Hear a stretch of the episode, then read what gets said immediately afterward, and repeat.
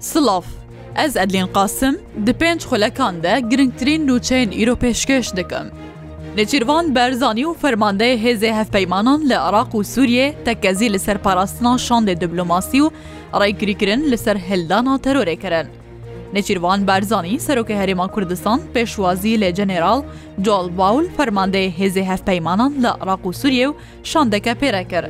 Di civînê de hevkariyên Hêzê Hevpeymanan li gel Iraq û Herêma Kurdistan, rûbrûbûna gefên terorê ji navbirina yekcariya DAIŞ'ê, alîkarîkirina artêşa Iraq û Pêşmerge, meşq û rahênan û şêwriya leşkerî, gefê terorê li Iraq û Sûriyê û deverê bi giştî hatine gotûbêjkirin.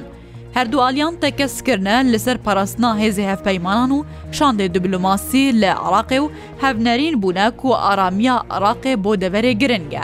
Nabê derfetê bidine terorê ser Iraqê, her wiha behsa êrîşê dironî yê ser Herêma Kurdistanê jî kirine. Rewşa navxweya Herêma Kurdistan, yekxistina Pêşmerge, aloziyên Rojhilata Navîn û Şerê li Xezzayê jî û bandora wê li ser navçeyê bi giştî, ev e mijarê din yê civîna wan bûn. Îro ji ber bûyereke agirpêketinê li nexweşxaneya ji dayikbûnê lê Diyale çar zarokan jiyana xwe ji dest dan û bi dehan zarokê din jî tu jî tengenefesiyê bûn, ber vê yekê bo nexweşxaneyeke din hatine veguhestin. Li Diyale nêzîkî çil zarokan bo nexweşxaneya Hisên hatine veguhestin, ji ber gilê şêk û li wir hebûye agir derketiye. Niha sê komîte bi çavdêriya Serokwezîrê Iraqê bo lêkolînkirin li ser bûyerê hatine pêk anîn. Di operasyoneke hêzên Sûriyeya Demokratîk, HSDê, di gel hevpeymaniya navdewletî, berpirsekî DAIŞê li Dêra Zorê hat kuştin. Li gor ragihandina fermandariya HSDê, Hêza Taybet ya Dijî Terorê ku bi hat tê naskirin, bi alîkariya Hêzê Hevpeymaniya Navdewletî ya Dijî DAIŞê li gundê, Çerzî yê sir bi Dêrazorê serkirdeyekî DAIŞ'yê bi navê Mihemed Atiya kuştine. Li Gor Hesedê çavdêriya Mihemed Atiya hatiye kirin piştî ku navçeya ew tê de bû dorpêç kirine, xwe re dest nekiriye û teqel hêzê wan kirine, hêzê wan jî neçar mane ku teqeyê lê bikin û ew kuştine. Li parêzgehên Semsûr û Wan yên Bakurê Kurdistanê heft kes bi hênceta endamîtî û propagandeya PKK'ê hatine girtin û Derbarî wan de karûbarê yasayî hatiye destpêkirin. Rêveberatiya Ewlekarî ya Wanê roja Duşemê heştê çileyê di daxuyaniyekî de ragihand ku operasyonê wan ê bi hênceta terorê li parêzgehê berdewam in. Li gor daxuyaniyê di çarçoveya wan operasyonan de ku ji yek heya heftê çileyê li parêzgeha Wanê destpêkiriye, Çar kes bi hênceta endamîtî û propagandeya pkk û KCKê ji aliyê hêzê wan ve hatine girtin.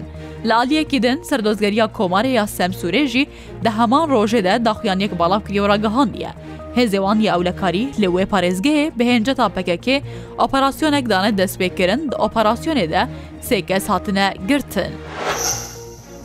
Di berdewamiya serdana xwe bo Rojhilata Navîn Wezîrê Derveyê Amerîka gihişte Til Evîv paytexta Îsraîlê. Şeva derbasbûyî Antony Blinken piştî serdanên xwe yê bo Tirkiye, Yunan, Urdun, Qatar, Îmarat û Siûdiyê gihişte Til Evîv û biryar e di gel berpirsê Îsraîlê bicive û behsa şerê li Xezzayê û Derbaskirina alîkariyan û rêvebirina Xezzayê piştî şer bike. Blinken di geşta xwe de hewl dide ku şerê li Xezzayê heye berfareh nebe. Di bûyereke hatin û çûnê de li ser rêya Tehran Xormawa heft kesan jiyana xwe ji dest dan. Polîsê hatin û çûnê parêzgeha Loristanê caniştestana heft kesan û Birîndarbûna bîst û sê kesê din di bûyereke hatin û çûnê de li ser rêya Tehran bo Xormawa ragihand. Vê derbarê de fermandeyê polîsê hatin û çûnê yê parêzgeha Loristan ragihandiye, demjimêr duwazdehê şeva derbasbûyî du barhilgir û pasek li ser rêya di navbera Xormawa û Tahranê de li hev dû xistine, di encama vê bûyerê de heft kesan jiyana xwe ji dest daye û bîst û sê kesê din jî birîndar bûne. Rêxistina çandinî ya Ormiya Rojhelatê Kurdistanê ragihandiye, sala derbas wî berhemê petateyan gihiştiye heştî hezar tonî.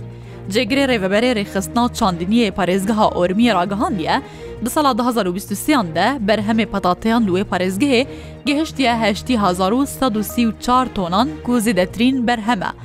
Beriya niha digiha pêncî hezar tonî.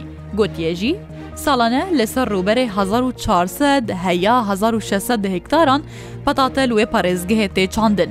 Îsal jî li ser rûberê hezar û pênc sed hektaran wê were çandin. Her şad be.